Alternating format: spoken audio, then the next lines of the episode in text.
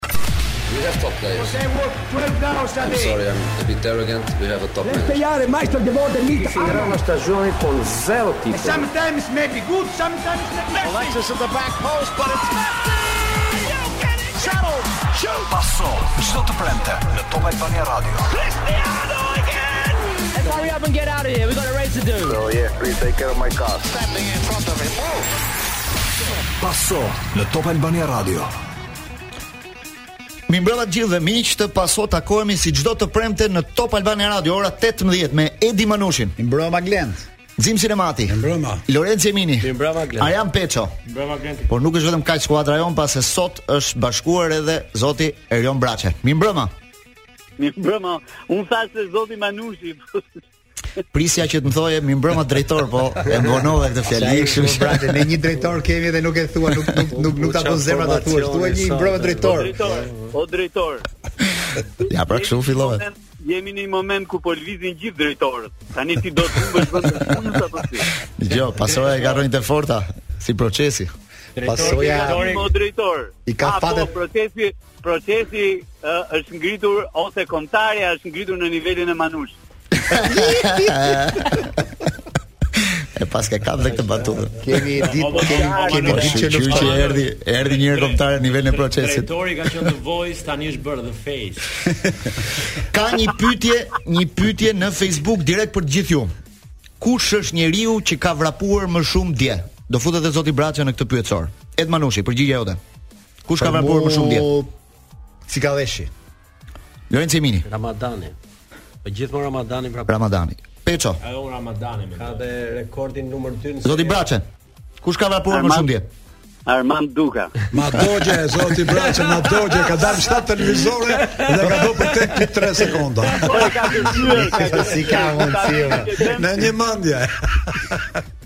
Po i ta doni ti ka mundësi. Ta merrni ke Denisi. Ka mundësi që të keni këtë mendje. Jo, ke Denisi vendi i politikanit është shumë i lakmuar. Ka një vend bosh për politikanë. Edhe i thashë Glendit mos e fut në lojë atë tash, mos ma kapi. Braçe nga dia, nga Denisi e Braçe. U vu re dje që çon nga gjithë njerëzit e politikës që ishin në stadium, vetëm zoti Braçe nuk ishte në stadium dje. Pse zoti Braçe nuk ishit ju dje në stadium? E thjeshtë fare, e kam shpinë shumë afër me stadiumin. Po pra prandaj tash.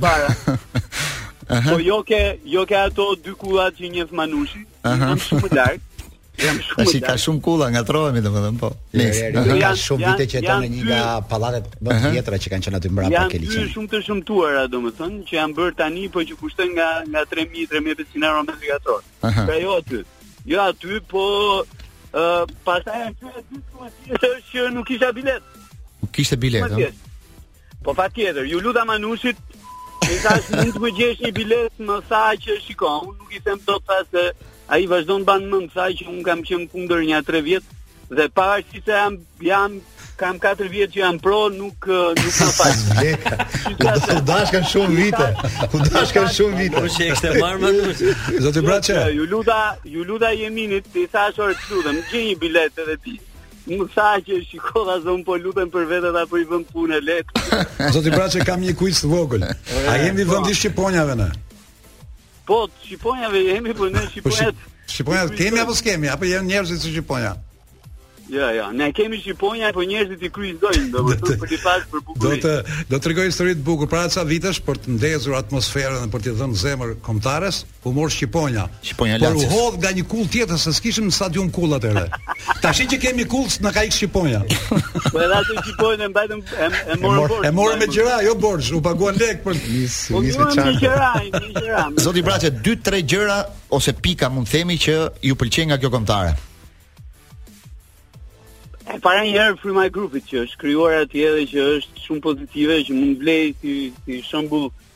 Për çdo për çdo aspekt tjetër. Domethënë, ë uh, futbolli nganjëherë jep mesazhe edhe përtej edhe përtej fushës së futbollit. Kështu që unë mendoj që ajo frymë grupi që është krijuar atje, po mbi të gjitha, kultura e punës që uh, trajneri i kombëtares Silvinjo mundohet ta injektojë me çdo lloj forme në në në këtë kombëtare është një gjë që vlen edhe përtej kombëtares. Domethënë janë dy gjëra, ekipi 1 dhe puna 2 që i vlejnë edhe politikës pse jo, qeverisë, qeverisjes, qeverisë vendore, gjithëve me radhë, me radhë, sepse unë mendoj që në këtë vend kultura e punës është ajo që renditet e fundit si arsye suksesi gjithmonë. Kjo është e para. E dyta, ajo që më bën përshtypje pa fund është edhe dua ta them, më në fund, më erdhi rasti që ta them, atij djalit, atij Jasir Asanit i kanë marrë 5 vite nga jeta e tij. Luante tek Partizani dhe për shkak se atëherë projekti ishte që duhet dilte fitues tjetërkush, nuk e shihte me sy njeri Jasir Asanin. Ja ku është Jasir Asani, Dhe ja çfarë roli të rëndësishëm luan tani ai për kombëtaren. Por tani është 28 vjeç. E kemi humbur 5 vite me radhë Jasir Asanin. Dhe Gjimshitit i kanë i kanë humbur një evropian. Po patjetër edhe Gjimshitit, po po, po Po Gjimshitit i humbën Europianin, nuk i humbën ekipin. Pse shtohet Braçe, pse shtohet prap Braçe në qoftë se kurse kurse Asanit, Asanit, jo vetëm që i kanë humbë kombëtaren. Por Asanit i kanë humbur dhe çdo mundësi tjetër. E e e, e dini që luan në në Kore. E dimë, po, e dimë. edhe për pak kohë, sepse besoj shumë shpejt do vijë në Europë. Në fakt, me, edhe me asaj më shkon shprehja Korea e madhe. E ke dëgjuar shprehjen? Po shprehjen popullore që thonë ra nga Kina dhe ne ramë nga Korea për ta zbuluar. Patjetër. Fiks. Braçe një pyetje, pse shtohet hendeku midis Në Europë tani, po tani është 28 vjeç,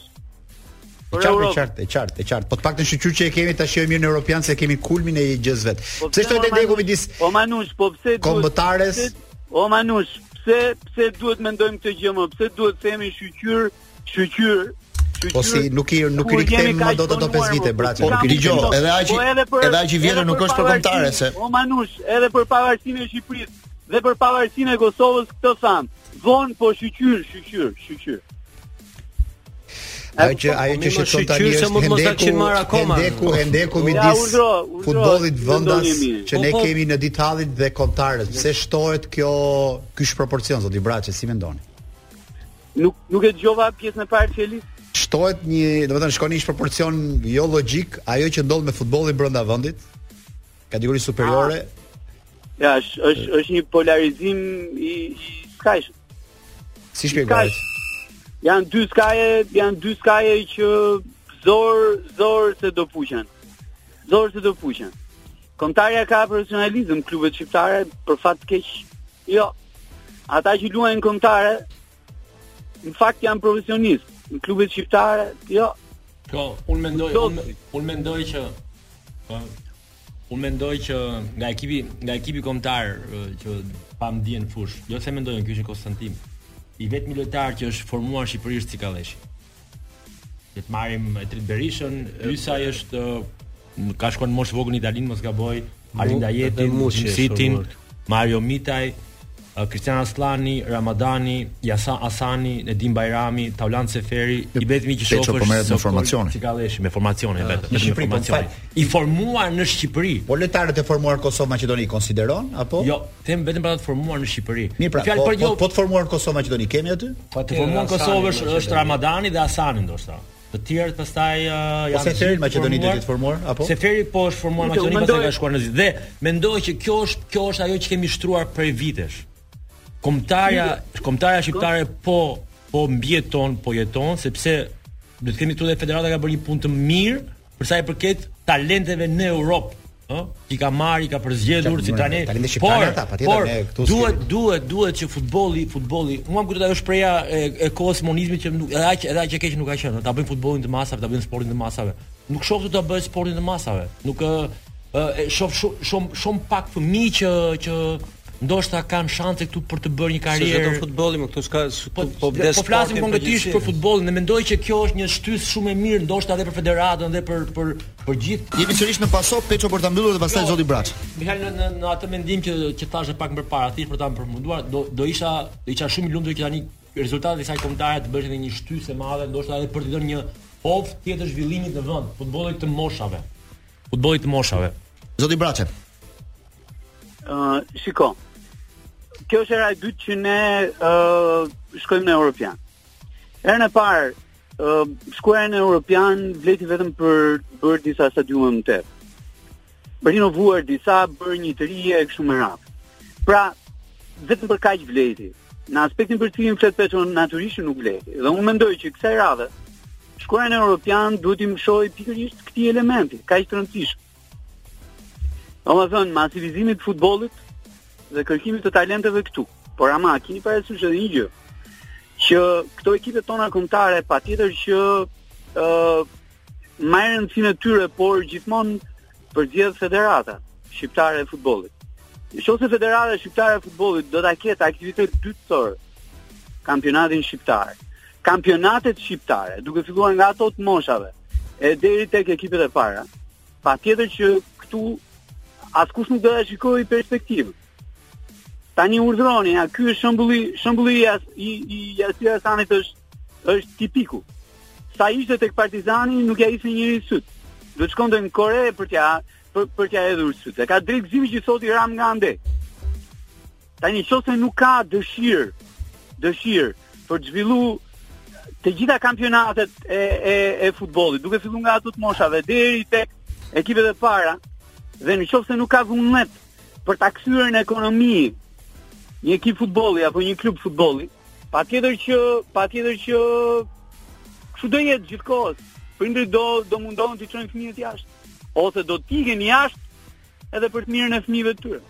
Uh, Sigur ka qenë gjithmonë zoti Braçe vetëm një konstatim, sepse un jetoj në Zvicër prej 25 vitesh dhe atje ekziston akoma koncepti i klasave sportive.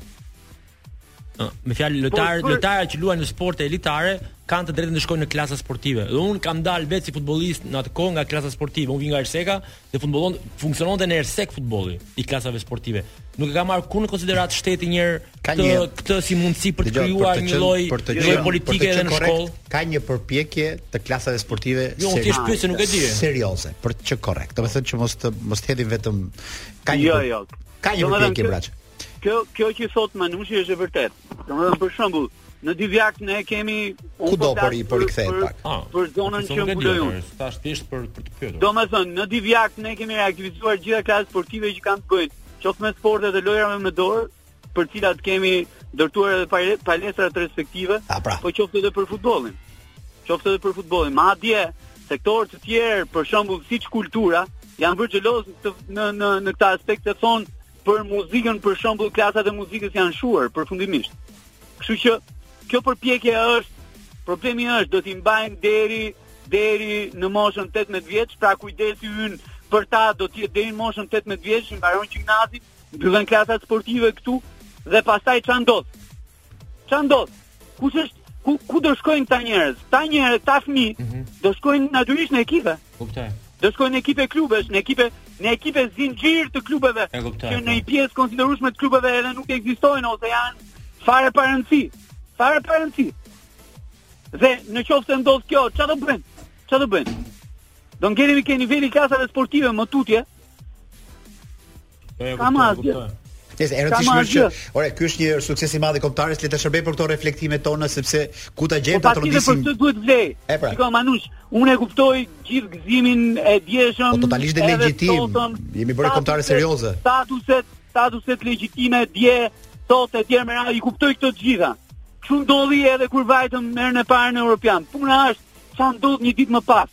Unë jam shumë i lumtur, fjala bie, që tek ky ekip, tek ky ekip që kemi, ka mosh shumë të re që garanton edhe për një ekip tjetër pas europianit.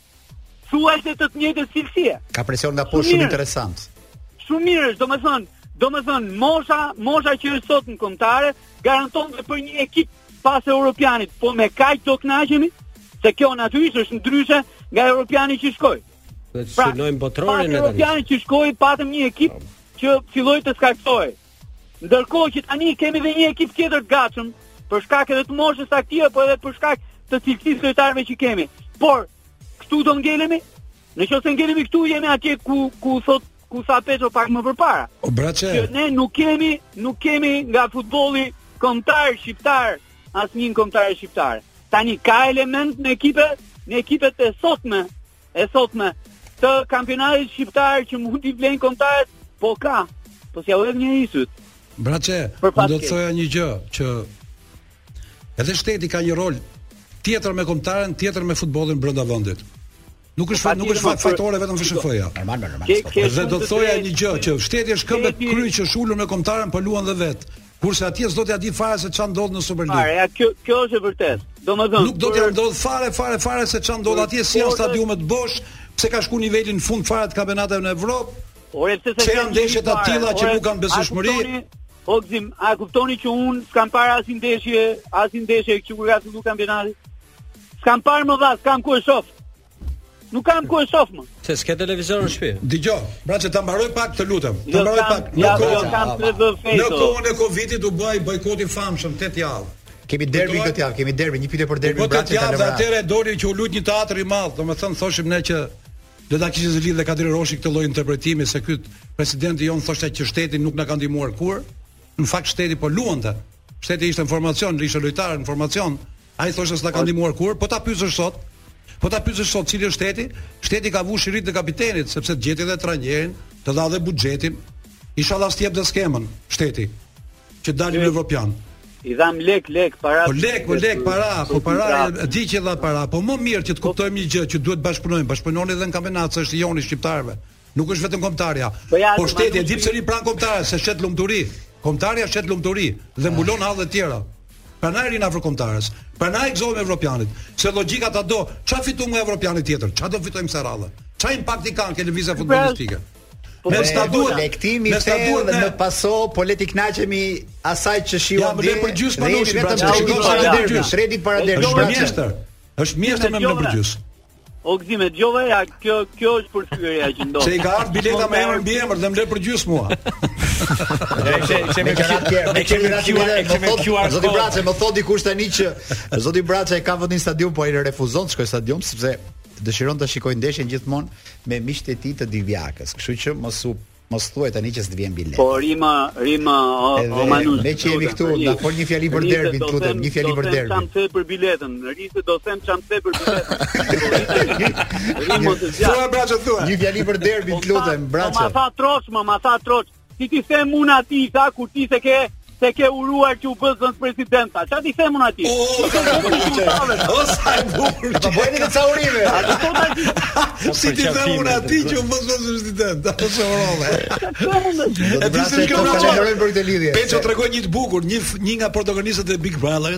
Kur ka thënë Vaçe Zela duke kënduar, ka thënë, "Ua, kjo kënga që i bën reklamë birrës Peja." Nuk njihte më Vaçe Zelën, njihte birrën Peja. Edhe ky thotë ç'i them unë atij thotë, që ti s'e ke uruar. Braçe, faleminderit për çfarë. Braçe, faleminderit që ishe bashkë me ne sot dhe do të dëgjojmë përsëri. Ah, një sekond, një sekond, me që me që Manushi përmendi derbin. Do shikoni, do shikoni diferencën diferencën në elementët e sigurisë dhe në atë që do ndodhi brenda në stadium, midis kësaj që ndodhi me kombëtaren dhe atë që do ndodhi në derbi, e pastaj mos të thoni pse s'vijnë në stadium. Na e the, okej, na e the, të shohim. Shkojmë me publicitet. Shikoni. Urojmë që jo. Rikthehemi në paso, jemi direkt në Top Albania Radio, po ashtu dhe në Melody TV, duke diskutuar për ndeshjen e kombëtares dje dhe faktin që për herë të parë ne jemi në vendin e parë dhe kemi shumë shanse të rëndësishme për ta mbyllur në vendin e parë këtë grup, sepse tani mjafton vetëm një fitore me Ishujt Faroe dhe gjithçka mbyllet në vendin e parë. Është i rëndësishëm nga vetja jo. Vendi i parë, sepse në vazot e shortit të Europianit ne mund të qëndrojmë në vazon e dytë. Kështu që është dhe një shans më tepër që mund të fitojmë në dy dhjetor në pra, ditën e diskutim vazhdash për gzim sinematik. Jo, është e rëndësishme jo, vazhdash. Jo, është e jemi jemi ke vënë parë për ato vetëm. U thim gjithë vazhdash. Duhet të themi disa gjëra që na shkojnë për shtat, jo vetëm neve, po edhe vendeve të vogla në Europë që sot shanset për t'u kualifikuar në Europian janë shumë më të mëdha se ç'kanë qenë më përpara. Qoftë se në 92-shin kualifikoheshin vetëm 8 ekipe, sot gjysma e Europës shkon në Europian. Pra 24 vende shkojnë në Europian. Përveç kësaj, përveç kësaj, Ti kur shkon në Europian, kualifikohesh, nga katër ekipet që marrin pjesë në grup, dy vendet e para kualifikohen dhe katër të tretat më të mira kualifikohen, pra nga 24, 8 16 ekipe kualifikohen në raundin tjetër, pra do të thotë janë gati 70% që mundësi që ti të shkosh dhe ta kalosh edhe, po, fazën e grupit. Dhe mos harro që ne herën e fundit 2016-ën u skualifikuam vetëm në saje të golavarazhit. Ne morëm një fitore me me Rumaninë, por në saje të një goli ne nuk arritëm dot të kalonim përpara. Kështu shanset janë gjithmonë. Dhe ka një gjë që kombëtarja sot e ka rrit performancën e vet. Ka më dinjitet në fushë, ka personalitet, luan si e barabartë me kundërshtarët. Në vetëm një që kemi qenë, po lexoja, kemi treguar që kemi pas uh, përfaqësim dinjitoz. Sot po lexoja një një artikull në median çeke dhe ata bënë një analizë pse dhe si na mundi Shqipëria. Dhe bënin një analizë Ku ishte forca e skuadrës tonë? Agresiviteti që kishim në zonë, jo, nuk, na presuan, tha shpejt dhe kishin restart ri, si tranzicioni i tranzicioni përpara, domethënë sulmet e tyre ishin shumë të shpejta që na kapën në na kapën në vështirësi. Jemi bërë ne të ftohtë, jemi bërë të shpejtë, jemi bërë aty jemi bërë perëndimorë. Aty prandaj kam qejf atë që nga Mihaj, Asllani kur kapin topin nuk bëjnë më kuturu. Se gjuajnë topin kot, po sfida nuk... jonë duhet të jetë tani botërori. Aty është Botërori është një ka një formulë më të jo, vështirë. Jo, Unë them që po, ka shumë më vështirë për ty në botëror. Ka jo, jo, jo, botërori do një strategji tjetër. Dy vjet janë filloi jo, ka komore. Për ju janë këto dy ndeshje pastaj merremi me botërorin. Për juan prandaj po them. Që është është një strategji tjetër. Fara jonë ajo duhet të jetë pra. Se evropiani tani është. Sfida jonë nuk është botërori.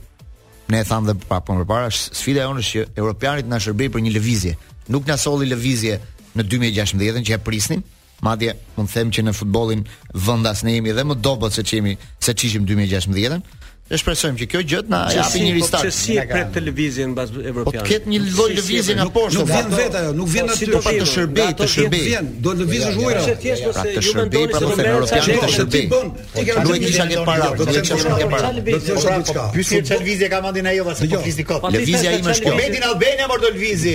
Ka fol gjithë shtypi spanjoll, gjithë ditën sot për Shqipërinë. Ai s'do fliste kurrë për Shqipërinë sikur këtu të bëhet samiti më i madh i botës, sikur këtu të prodhoj flori. Ai do flasi për Shqipërinë kur ti të kesh rezultat mirë futboll. Dhe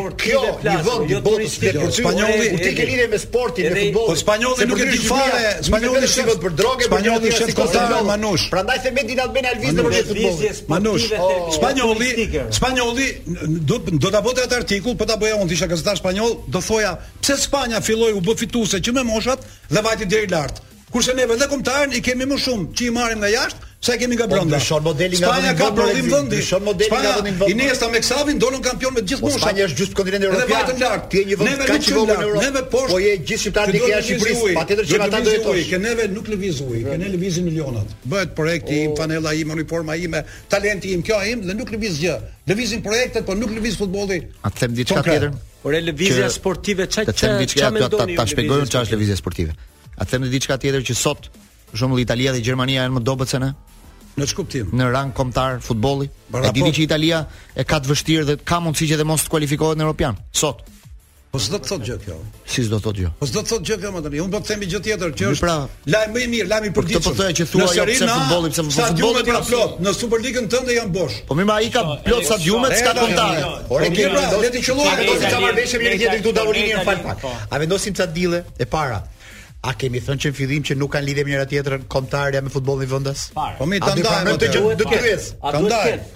Tjetër historia duhet. Nuk ka lidhje. Që këtu fillojnë diskutimet. Po ti që s'ka more. Pse kështu? Janë dy federata për momentin. Do bëhet një fushë për kombëtarja të ndryshme. Po janë fare pa lidhje. Sot janë pa lidhje. A themi që vjen në stadium 80% e njerëzve që janë aty vijnë gjithë nga Prishtina, Maqedonia dhe nga vende që nuk dinë çfarë po ndodh në Shqipëri. Edhe kënaqen vetëm me procesin sportiv për të marrë vesh çfarë ndodh në futbollin shqiptar. E pason. E pason po po. Edhe nuk po qesh fare dhe po e them shumë seriozisht. Ma tha dje Julian atje pos doli që procesin e nuk e dim çfarë ndodh në Shqipëri 1 po, po. dhe e dyta dhe kjo është shumë e rëndësishme. Pra, nuk ma gjeni ju pikën e lidhjes, ma gjeni ju pikën e lidhjes dhe jam dakord. Po jo, më, po, Edi, e di çfarë është problemi që na ndodh ne? Ore duhet të ketë. Unë do unë do vdisja të kishte një futboll shqiptar vëllai. Ne nuk ne nuk ne nuk ngopemi me Dinamo çdo Çdo të shtunë edhe Ne nuk ngopemi me dy ndeshje të kombëtares. Ne duam javë, çdo javë ndeshje, çdo javë event. Pastaj ti kur shkon në fundjavë, ja do shohësh derbin tani se ta tha zoti Braçe që do ketë njëjtat masa sigurie, do ketë njëjtin organizim, jo. Pra do po, shohësh. Po, po, Ore lëre derbin, po shih ndeshjen tjetër, stadiumet. O Gled, më fal një pyetje, po ja, o Edi, po mirë, një pyetje se pse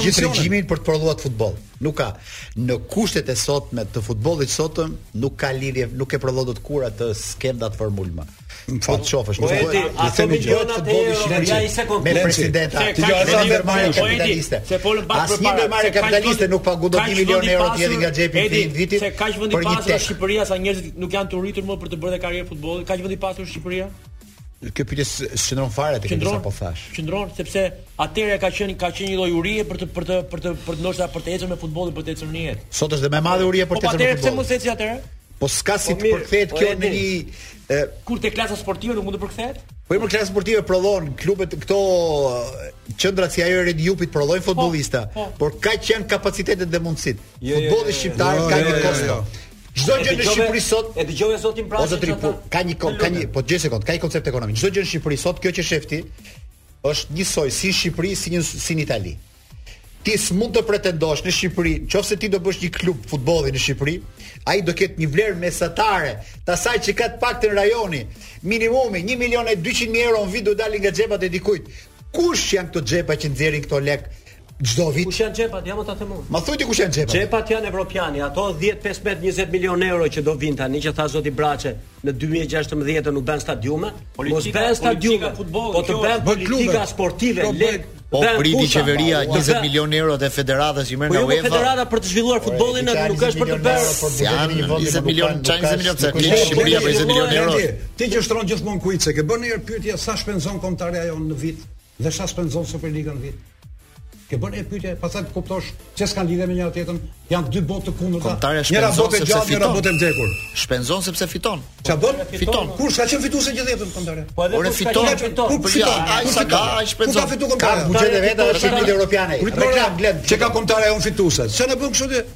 Po tani në 20 vjet dy herë në Europian, fitues është edhe edhe kur shkon në Europian. Në 20 vjet që ka Duka, ti s'e bën dot llogarinë sa miliona ka harxhu. Kurse Superligës nuk i ndahen para. Kur vjen në fonde për për për për klubet. Kush kombëtarja shkon në Europian? Rikthehemi në paso dhe do duhet të ndaleshim pak dhe tek gjykimi me Lorencin me arbitrin, sepse dje pati dy momente shumë delikate që ishte njëri gol i anulluar i Çekis për prekjen me dorë dhe kartoni i kuq, Po ashtu dhe goli i anulluar i Mujës që shkaktoi shumë polemika mbrapa sepse sot ka qarkulluar një foto ku duket që ai është në në linjë. Dhe më habit shumë uh, mënyra se si ka dalë ajo vija që s'është fare paralel me vijën e mesit fushës, po është uh, diagonal dhe atë sa më shumë djathtas tash po ta spostosh. Ishte vija e vendosur keq thua. Po keq patjetër. Sepse ti sa VAR-i jonë me vijat është. Po s'është VAR-i jonë ai që të se ngatërroi. Po, nuk është VAR-i super. S'erdhi VAR-i nga jo, jo, bota. Jo, edhe një herë. Ai nuk është VAR-i as i Superligës tonë që të kuptohemi.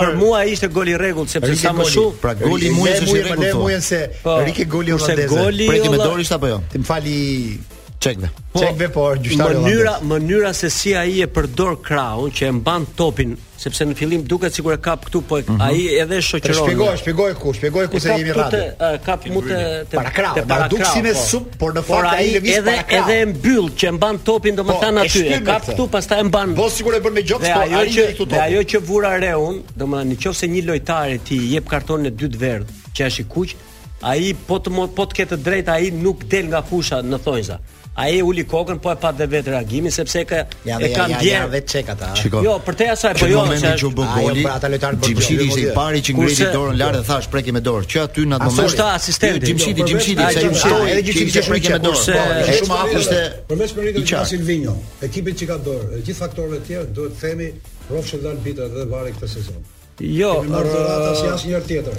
Dhurata. Kur thua dhurata, do të thotë që na ka jo, bërë jo, favor. Jo, dhurata. Jo. Nuk ka marrë favor. Nga VAR-i, për shembull, gol me se s'kishte pres thoi. Ajo që thotë me Polonin. Apo ai goli tjetër me Çekin. Apo kësaj radhe për një diskutim të vogël në nesër kryqe, ai të jepte të kuqe lojtarin. Në historinë tonë të futbollit. Pastaj golin tonë anulloi të katërtin. A di sa e bukur është goli i katërt, se para ndeshjes unë vetë thoja inshallah kapim barazim tash nëse si fitoresh me çekët. Po. Unë mendoj një ekip që do japi 100%, jo atë që doli. Edhe mas ndeshjes si si ndryshojmë neve. Unë vetë ndryshova, e thash unë, bo bo si na anulloi golin e katërt. Nuk ndeshën tre. Si na anulloi golin e katërt. Dhe goli i katërt është anulluar për të thënë që ja dhe shqiptarët i penalizojmë. Po më se dhurata po, nuk e ka. Goli se goli i rregullt. Kemi kemi në linjë edhe Marin Memën, ta përshëndesim pak. Oh. Marin, përshëndetje. Përshëndetje. Manushi tani ka diçka në lidhje me tifozët, ti i njeh mirë tifozët, Edi pyete çfarë kishe për tifozët.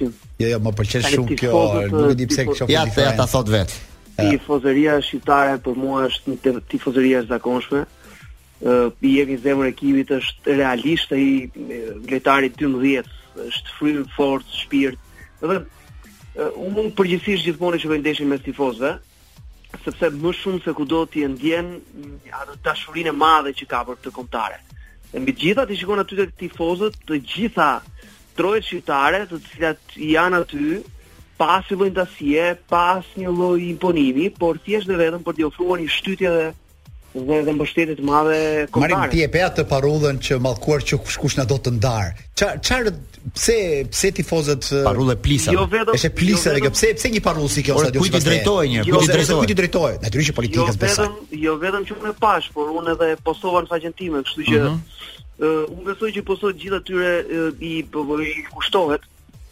të gjithë atyre që duke përdorur këtë teorinë e modernizmit të tepruar, kërkojnë që shqiptarët t'i shohin gjithmonë të veçantë, mm -hmm. kërkojnë të krijojnë ndasime të shqiptarëve, krijojnë kërkojnë të krijojnë, nuk e di, dy kombe të veçanta. Në fakt, unë e kam thënë disa herë. Dhe është fakt. Pavarësisht të gjithë kësaj ndasisë që është kërkuar të na imponohet përgjatë historisë, ne nuk mund të ndryshojmë historinë tonë. Ne jemi shqiptarë.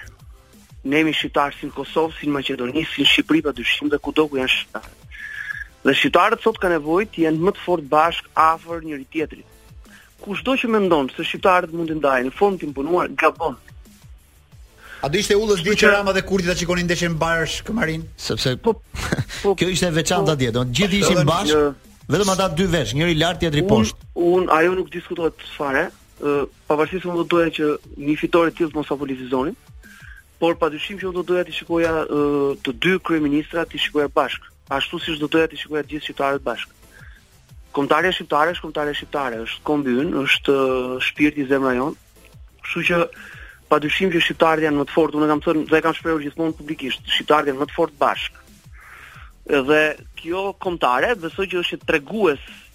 real, tipik se sa të fortë mund të jenë shqiptarët bashkë, se është një kombëtare e përbërë nga futbollistë nga të gjitha trojet shqiptare. Po pra, kjo është e çuditshme që si ka mundësi.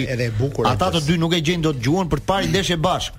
Mirë, po duhet patur parasysh hmm. gjendin që ti si gazetar të pëlqen kjo pjesa e ngacmimit. Po jo më se më duket duket një një pol i kundërt nga ajo që ndodhi dje.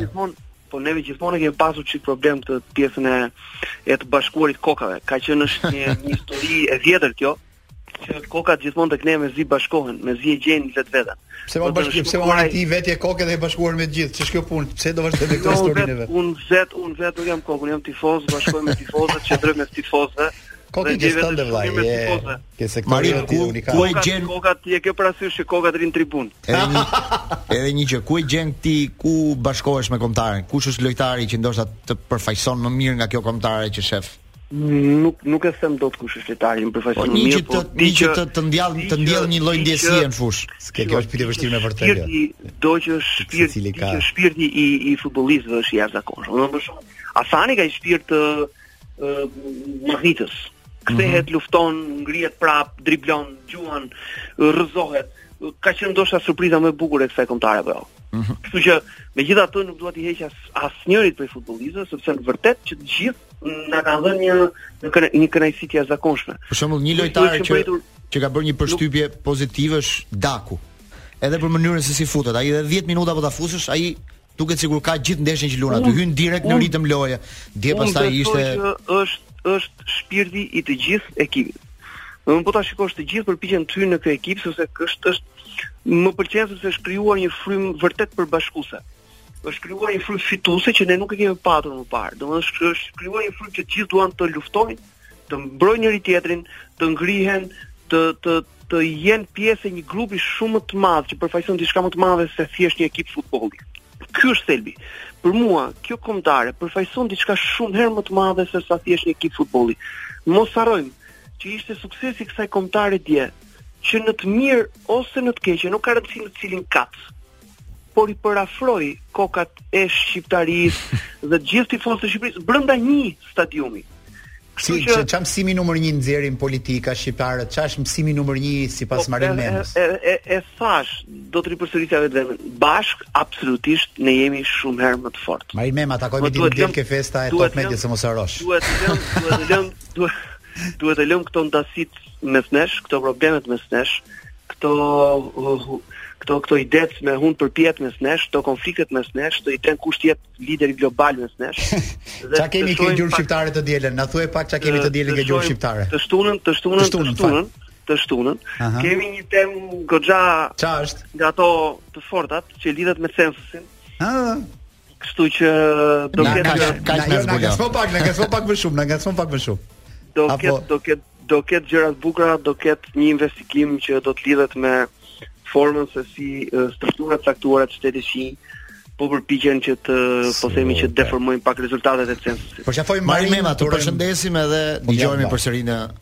momente të tjera. Shpresoj që shpresoj që ti Glendi të bësh pak stërvitje që të përshtatesh pak frymën e ekipit, do të thotë. Ti je stërvitje jo thjesht koment. Jo, me këtë fat që ka Silvinho, edhe unë me Gzim Sinamati po të luanim do të bënim një gol, kështu që. Po mund të dhe Manushi tani. O zotri, rikthehemi në paso në këtë pjesë të dytë me Edi Manushin, Gzim Sinamatin, Lorenc Eminin dhe Arjan Peçon. Por më përpara kam një lajm emocionues nga bota e sportit sepse Iute, kompania FinTech po mbështet kampionen tonë të atletikës Luiza Gega. Por kjo nuk është e gjitha. Iute është këtu për të gjithë ne. Shërbimet e shpejta tek Iute e bëjnë jetën tënde dhe më të lehtë, njësoj si vrapimi i Luizës. Futu në My Iute App sot dhe mbaro punë me shpejtësinë e një kampioni. Dhe më mirë që uh, i mbështesim kampionat tona aq më tepër që është viti i Olimpiadës së Parisit në 2024, kështu që të gjithë sytë do të jenë tek Luiza Gega. Kthehemi pak tek situata e grupeve të tjera, sot uh, do të luajnë ndeshje të tjera në eliminatoret e kampionatit evropian, por më jo, përpara jo, vetëm një pyetje kisha për ty po. Glend edhe për Eminin ndoshta. Tani më e favorizuar në kuadër të grupit që kemi është Polonia apo Çekia? Polonia është më e favorizuar sepse definitivisht Polonia. ka vërtet ka një ndeshje më pak se Çekët,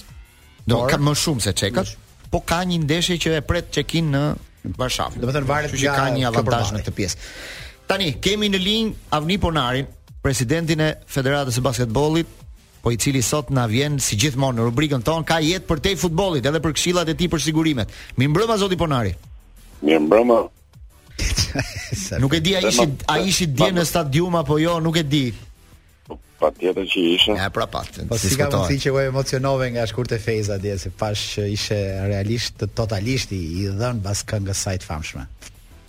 Jo, isha... S'isha vetëm unë, ishte gjithë stadiumi. Gjithë stadiumi. kjo është e vërteta, kjo është e vërteta. Ishte, ishte këngë popullore nga Zona e Veriut ishte mush me qeleshe, po kishte dy lloj qeleshesh. Pse kush ishin dy lloj qeleshesh? Ha? Kush ishin dy lloj qeleshesh? Ishte një veriu dhe një jugut. Ajo e jugut, e jugut me antenë, e veriut ishte më kështu qeleshe normale. Çfarë historie ka kjo kënga më? Pse kjo këngë është zonës Tropojës, Gjakovës, ku është kjo më shumë zoti Ponari? Se e kemi sfond. Po, po janë Natyrisht janë kangë veriut, por që mhm. këndo, këndohen nga gjithë jugu dhe veriu, por... I the pos. Duket sikur është bërë çik himni i kombëtares të, po të vit këtë edicion po kjo, bëhet, kjo po këngë. Po, pra, po pranohet nga gjithë. Po ja thoja një gjë tjetër, po e lashë nuk e thashë. Manushi është... I vëmendshëm. Aha. Uh -huh. Zoti Ponari, kjo është këngë e jashtëzakonshme, na ka domethënë bëhet mishi kokërr sa e dëgjojmë ne kemi vënë në sfond tani sepse unë pashë që ju e kishit postuar tek eh, faqja juaj dhe realisht ajo po ishte, entuziazmoi gjithë po, gjithë stadiumin. Tek faqja ime po ishte edhe Sigali nëse e ndoqët stadiumin. Patjetër, patjetër, patjetër, patjetër. Sponsori i federatës dhe i kombëtares. Ajo një moment ajo që kapa unë ishte ajo që ishte Kënga dhe në sfond ishte Sigali. Po. Ti pashë vetëm reklama çeke dhe Sigalin pashë, nuk e di, unë u ndjeva dinjitos që unë të po, pak të marr shërbime te Sigali, m'u duk vetja shumë dinjitos. E, Ça kemi ne këshillat, zoti Ponari, për uh, këtë fazë të vitit, kjo verë e zgjatur, nuk e di ça na do na sugjeroni nga ana e siguracioneve në radhë të parë? Mm, Gjithmonë mbetet mbetet i rëndësishëm sigurimi i shëndetit Manush. Mm -hmm. Ajo është A-ja për secilin nga ne. Kohët po ndryshojnë, gjërat po ndryshojnë, klima po ndryshon. Kështu që unë do të thoja që duke patur një sigurim shëndeti të cilin ne fatkeqësisht nuk e nuk e marrim ose i besojmë atij sigurimit falas në spitalet tona, por kur bie nevoja, kur kemi nevojë pastaj u drejtohemi spitaleve në katër anët e Evropës. Pra sigurimi i shëndetit mbetet objektivi kryesor, parësor për çdo njeri.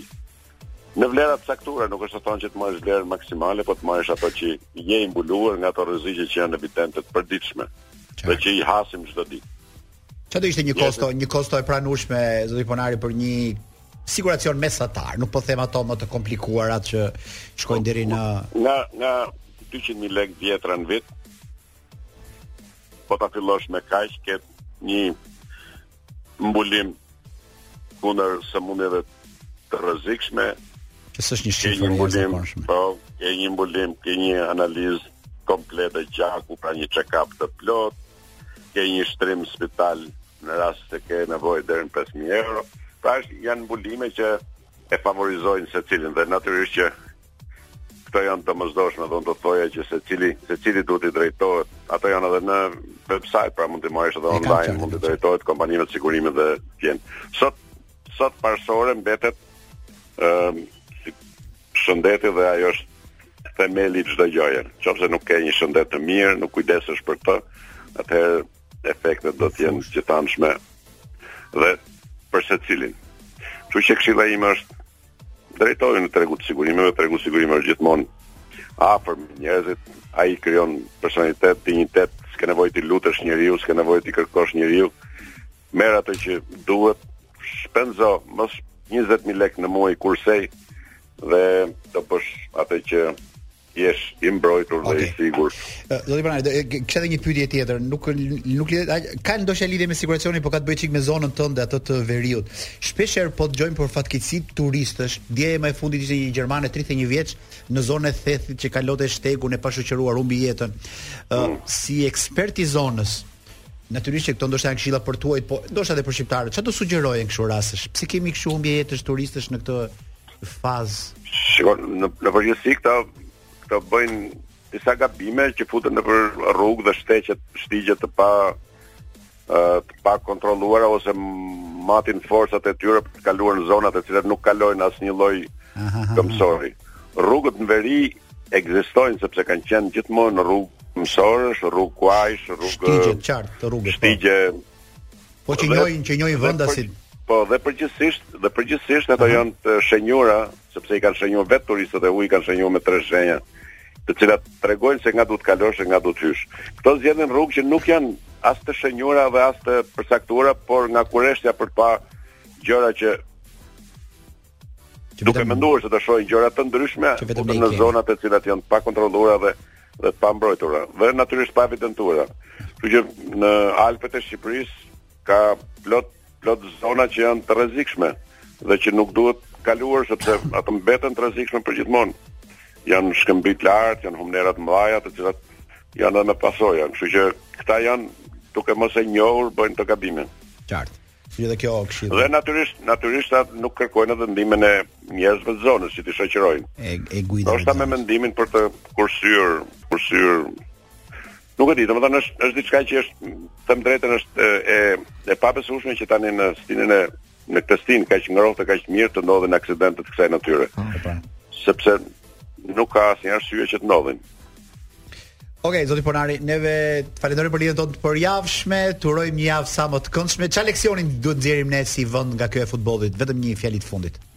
Çfarë çfarë çfarë leksioni nxjerrim? Nga futbolli, uh, leksioni ynë është që kur kur ne jemi të motivuar, mm -hmm. sepse ne ne si komb, si popull jemi shumë shumë pro sportiv. Por nuk kemi arrit të grupohemi dhe po të shohësh sportet kolektive janë pak më të dobëta se sportet individuale. Vërtet. Rezultate shumë pozitive kemi në sportet individuale dhe pak pak në sportet kolektive. Tashmë edhe trajneri po dhe fryma është e tillë që ekipi kombëtar është bashkuar dhe po i shërben, domethënë po luajnë me shumë forcë dhe kanë ndryshuar, kanë ndryshuar mentaliteti i tyre. Ky brez është brez tjetër, është brez i i shëndetshëm, i ushqyer më mirë, nuk është si brezat e mëparshëm që jetonin me me fillon ai sa. Me jetonin me me trajna, me trajna. Ose me pak pra, pra okay. rriteshin në fëmijë pa ushqyer. Okej, okay, s'do të kishin forcën fizike që të përballonin 90 minuta në fushë. 90 minuta ne kemi pasur kombëtaren tonë 15 20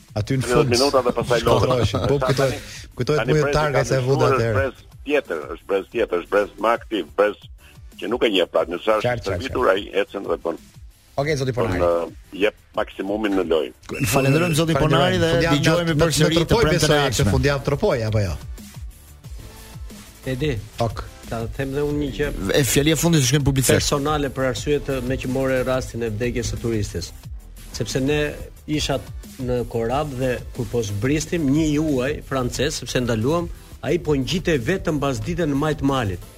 Marrin dhe rrisje përsipër këta.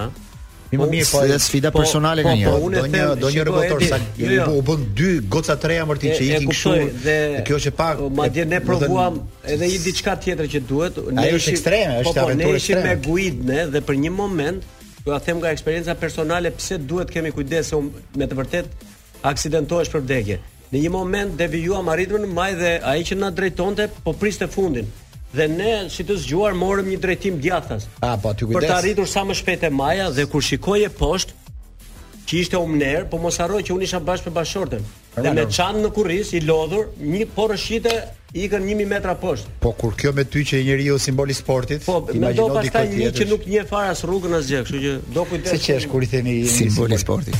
Jemi sërish në paso dhe ka një lajm të fundit në lidhje me kombëtaren Shpresa sot ka bërë ndeshjen e tretë në eliminatoret e Europianit në Finlandë është mundur 4 me 1, po prap vazhdojmë të jemi në vendin e parë në grup duke u pritur dhe rezultatet e ndeshjeve të tjera. Për shembull, shpresat kanë më pak shanse kualifikimi sepse sistemi i grupit është që kualifikohet vetëm e para dhe në gjashtë ekipe konkurenca është po, më po, e madhe, më e fortë dhe më e vështirë. Pas dy rezultateve pozitive vjen humbja në Finlandë. Se ka dhe Kosova 2 në 6. Po. Kosova e madhe. Edhe Kosova po. Ndërkohë, ë flasim pak për këtë skandalin e fundit që ka ndodhur në Itali. Kjo është një ngjarje shumë e rëndë. Po, po, po, po. që po hap një hetim të, të jashtëzakonshëm dhe janë disa uh, disa lajme ose disa zbulime që ka bërë një ish fotograf, që është Fabrizio Corona, besoj e keni dëgju. Ai është akoma, s'është ish. Ish tani nuk merret më, më, nuk është më. Ai është paparazzi. Nuk është më njeri i paparacëve, ka mbyllur atë, ka hapur një agjenci lajmesh dhe ka punësuar disa gazetarë dhe me këta nxjerr informacione dhe ka dy ditë që po trondit të gjithë botën e futbollit në Itali.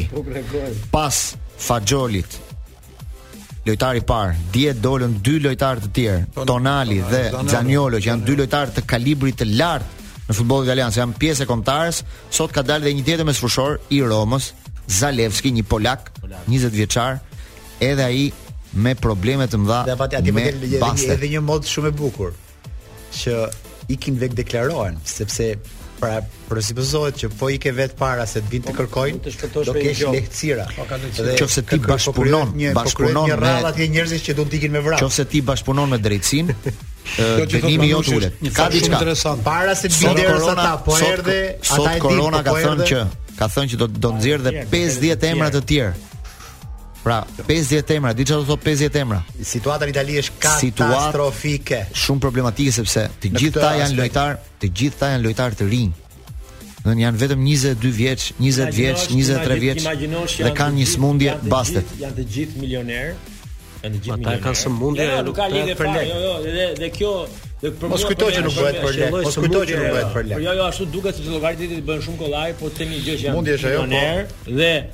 Shembulli që japin në shoqëri është i tmerrshëm fare. Me fjalë lojtarët, lojtarët që janë super të të të, të trajtuar mirë, që janë uh, yje që janë kanë emrin kudo dhe për mua duhet të jetë Fabrizio Corona, me siguri një një personazh shumë kontrovers, ka bërë mbadi dhe, dhe, dhe burg në Itali, sepse ato në ato ato rastet e mëparshme ka akuzuar lojtarë si si Trezeguet. Po mirë, mirë, jo, po. Tani po punon për drejtësinë. Tani po punon për drejtësinë dhe për për për drejtësinë vetë. Po Peço. Dhe tha Glenti që apo e tha Manushi, ti Manushi the ka, tha Manushi që shkojnë përpara, të vetëdeklarohen sepse kanë lehtësira. Imagjinoni sikur të vinte një ditë tek ne se ne japim rezultate çudi se ça ndodh në Itali dhe harrojmë se ça ndodh tek ne. Qofse këtu do vetëdeklaroheshin njerëzit, do ishte një radhë e gjatë që s'e kishte pa ndonjëherë. Nga këtu. Të kujtohet kujton historinë kur isha në shkollë të mesme, kishte shokë klase, kishte lënë Edhe pse ike mor i them ka si budalla erdhi mama e jote është bërë nami sot shkollë. E ky një atë, kur shkoi në shtëpi ai i tha ja ma. Tha mo Tori ça morë sot. Asgjë tha. Pse asgjë tha? Po ti e di shumë mirë se që unë s'isha në shkollë. Kështu që ideja luhet me karrem këtu. Ai tha, po ja, ne kemi emra thotë. Po presim deri si nesër. Kush vjen, do ketë lehtësira. Vuat atë gjithë. Ata policia s'ka asnjë emër. Itali,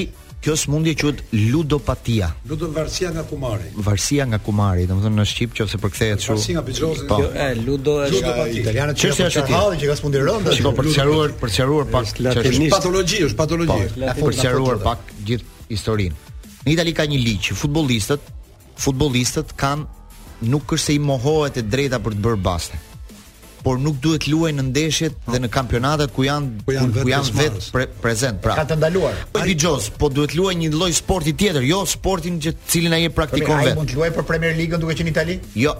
Çdo aktivitet që organizohet nga FIFA dhe UEFA është me ligj, nuk lejohet që ti të luash.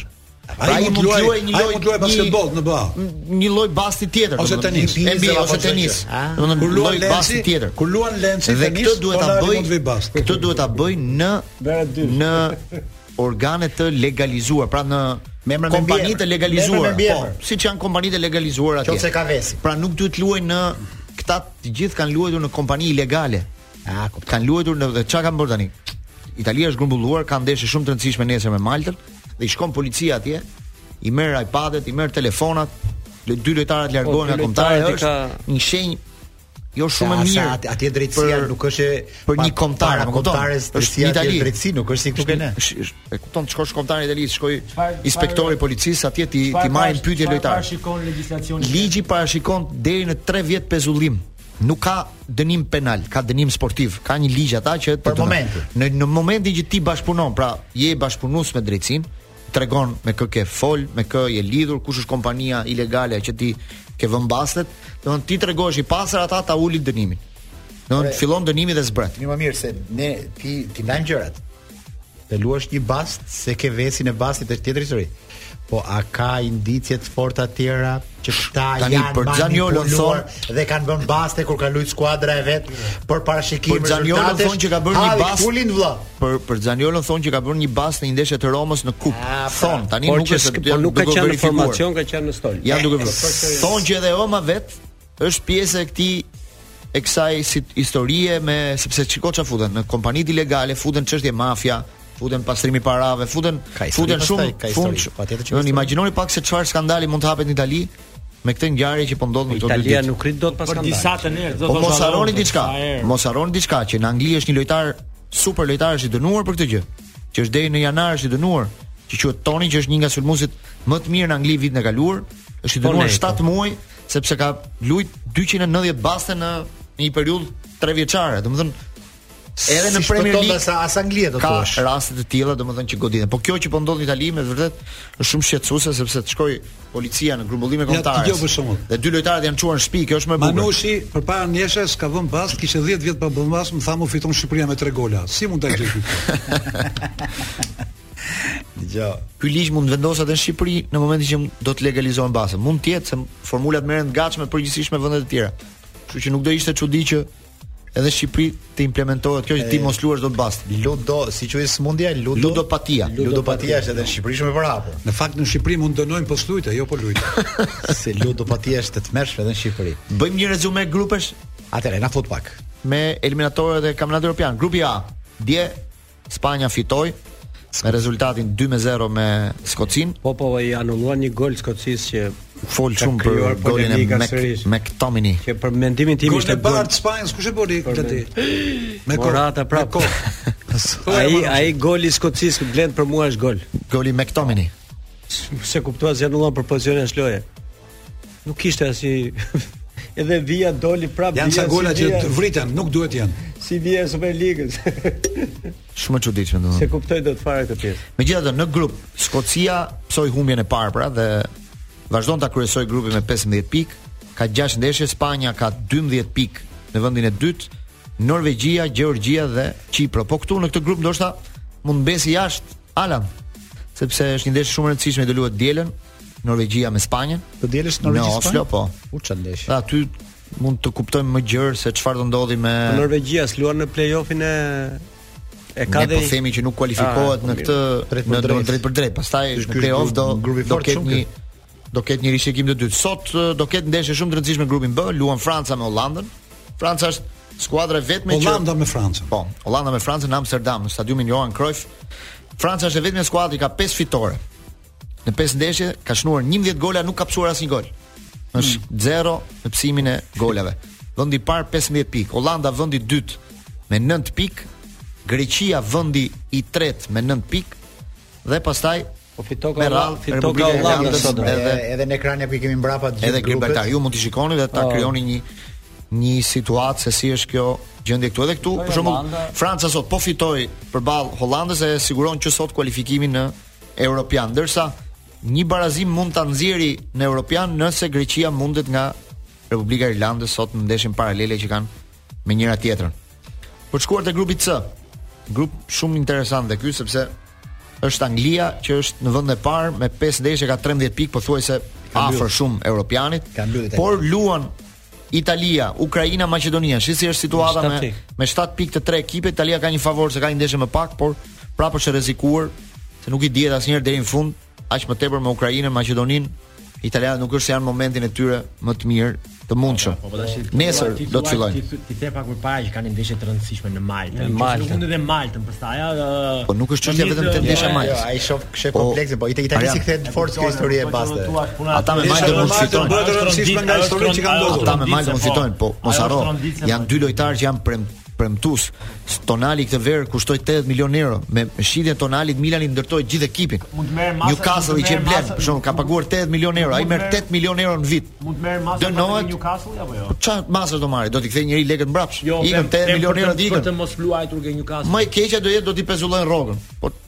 80 milionë që ka kthen njeri më. Rrogën mbase se s'ja pezullojnë se e kanë kontratë, po them për të luajtur, edhe ai mund të pezullohet nga Nëse pezullohet në Itali, dënimi shkon dhe në Angli. Ah, pra është dënimi është sportiv.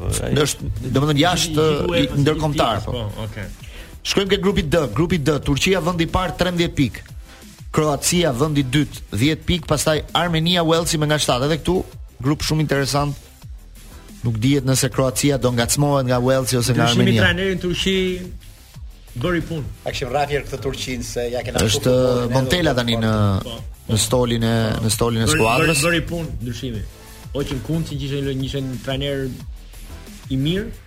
Të fitosh në Kroaci 1-0, nuk është nuk është e thjeshtë. Me Sherif Merdanin rikthehemi në në pasojë se kënduam Let It Be. Këngëtar i madh. Kënga e përzgjedhur nga Kloi për sot. Pasojat e diktaturës, i cili është ndarë nga jeta dhe na ka lënë vërtet një nga festivali 11 më duket ka qenë ajo periudha që u goditën gjithë. Dhe dhe thot në këtë këngë u dënuam se kënduam Let It Be. Sidoqoftë një zë i madh. Let It Be është e Beatles. Këngë e madhe Beatles, atë na vjen nëpër pjesët të këngëve Kemi Peçon që di çdo këngë të gjithë. Peço është kandidat interesant për ty e lashtë o Manush, kështu që mirë se erdhe në grupin tonë. Jo, ky është ai që të afrohet më shumë nga gjithë të tjerë. Ai shijon muzikën shqiptare dy vite. Jo shijo por di çdo fjali. Pa sportist që të sportist që të di dhe kaq këngë sa Peço s'kisha parë ndonjëherë. Kjo më çudit që si ka mundësi që ju jeni pak a shumë në një moshë të dy. Po, po. Dhe ti je zero fare, po zero domethënë. A di sa bukur është kjo, po kjo nuk shkon për peçon. Dëgjoj, sa i sot nuk jeton. Ky është ajo e Big Brother. Ai sot apo jeni komshi? Lenti, Lenti sot nuk jeton. Ju kujtohet Lada Jazi i Durrësit? Patjetër, ish-portieri. Ish-portieri, edhe me edhe me ekipin kombëtar ka luajtur. Djalë shumë king. Po. Ai nuk ron. E një smundje rënd. Mhm. Por ishim në një takim para disa vitesh dhe u çua Artur Lekbello, portieri tjetër i Durrësit, që ka po. luajtur me Partizanin. U çua portieri, jo Artur Lekbello ka dhe Tirana. Po, po, po, po, po. po. U çua dhe bëri imitime me sukses. Mm -hmm. I ra një muzikë, një vegle me sukses. Pastaj vajti kapi fizarmonikën, se ç'bëri i ra ca nota, ca gjëra, i thashë Lado, po mrekullon ky Artur Lekbello. Ky vegla po, imitime po. Si ka mundësi thash portier rezerv, edhe kështu, u gëzimo thash, po ti je rezerv, ças mëson thash, sa mos ka luajtaj. Ja kisha zënë unë vëndin.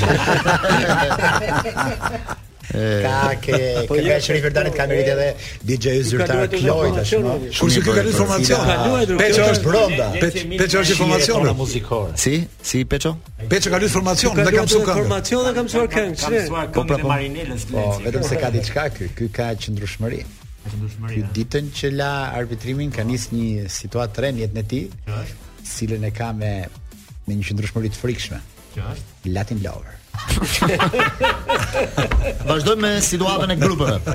Shkojmë te grupi F, ku kryeson Belgjika me 13 pikë, Austria kalove kalove Shqipërinë. Po Shqipërinë e kemi thënë tani, e kemi qartë. Pra do Albania ke. Do ta vazhdojmë vazhdo grupi E Shqipëria 13 pikë, 13 pikë. Polonia 9 pikë. Fiksojmë edhe një herë. Çekia 8, Moldavia 8. Kështu që edhe këtu situata Moldavi Çeki Polonia është akoma e hapur për vendin e dytë. Por Dhe ju çekët thoni kanë që- një ndeshje më pak. Pra çekët po llogarisim që kanë dy ndeshje me Manush, kjo Moldavinë. dhe- tabela Kjo kjo ndahet ke Poloni Çeki ke ndeshja që luhet Poloni si thosh e dyta. Po, Është Poloni Moldavi këtë para të pas tre ditëve. Të dielën ka Po, dy pra që sfida. ne po e marrim sikur po fiton Polonia, ha, po e marrim si Ki Ishujt Faroe. Domethënë llogarit Çeki. Po po japim pra nga 3 pikë të dyja. Ne duket sikur jemi bërë dhe makthi i këtyre ndrimit trajnerëve sepse Polonia kur u mund nga ne ndroi trajnerin. U largua Fernando Santos. Se ka një lajm për trajnerin çek? Trajneri çek javën tjetër ka një mbledhje komiteti ekzekutiv dhe ka një mundësi që edhe mund ta largojnë nga detyra. Domethënë Shqipëria e heq nga puna trajnerës. E ka vuajtur shumë këtë humbjen pa pa dhënë asgjë Çekia në në Tiranë. Mësohuni me Shqipërinë miq, oh. sa shumë trajnerë do ndrojnë. The ti duhet të mësojnë spanjollët shqip. shumë shpejt do vjen. Grupi F, Belgjika 13 pikë, Austria 13, Suedia 6, Azerbajxhani 4 dhe Estonia 1. Edhe këtu mendoj që Austria dhe Belgjika kanë bërë një hap përpara, ndoshta janë shumë afër kualifikimit drejt kampionatit europian. Për grupin G, ky është një grup interesant sepse është Hungaria dhe Serbia me 10 pikë, Mali i Zi 8 pikë, Bullgaria 2 dhe Lituania 2. Pra janë tre skuadra që luftojnë për dy vende, që është Hungaria, Serbia, po ashtu dhe Mali i Zi. Edhe këtu mund të kemi duele interesante në ndeshjet që mbeten. Për të shkuar te grupi H, Sllovenia 13 pikë. Ky është grupi ndoshta nga më të fortët. Sllovenia 13, Danimarka 13, Finlanda 12, Kazakistani 12. Katër skuadra për dy vende. Pastaj është Irlanda e Veriut dhe San Marino, por janë më poshtë që nuk kanë. Dhe Kazakistani është rezulton e fortë. Futet dhe Kazakistani që është një rezultat mbresëlënës duhet thënë këtë vit me 6 ndeshje 12 pikë, ka grup i bukur, sepse do shohim kush do ngeli jashtë Kampionatit Europian. Për të shkuar te grupi I, Zvicra 14 pikë, Rumania 13 pikë, Finlanda 11, Kosova 7, Bielorusia 5, Andorra 2. Edhe ky grup shumë i fortë, grup i hapur grup shumë interesant. Që anulluan Tel Aviv për shkak të situatës. Po. Çfarë do ndodhi me Zvicrën? Peço do kualifikohet si mendon? Do kualifikohet. Do kualifikohet mendon, ëh? Dhe për grupin e fundit, grupi J, ku këtu ka një skuadër që është dominuese, skuadra më e mirë në Europë absolutisht, Portugalia, 6 ndeshje, 6 fitore, 24 gola të shënuar, 0 gola i 0 gola të pësuar. 24 gola, ëh? Po. 18 pikë Portugalia pastaj Sllovakia dhe Luksemburgu, skuadrat e tjera. Jemi në 4 minutat e fundit në paso dhe na është bashkuar sot Ksenja, e cila do vazhdojë menjëherë pas nesh. Hej çuna, kënaqësi që jam këtu. Lancho. Dhe ty si duket vetja kështu, ë. Si duket? Po ku di unë e rrethuar me burra. e, dje një ndeshje e madhe. Burra, çuna trim, nëse si janë gjithë. jo, çuna trim. Fidan trim. Filiz. ne vetëm një detyrë kemi ta lëmë sot sa më të pastër. Të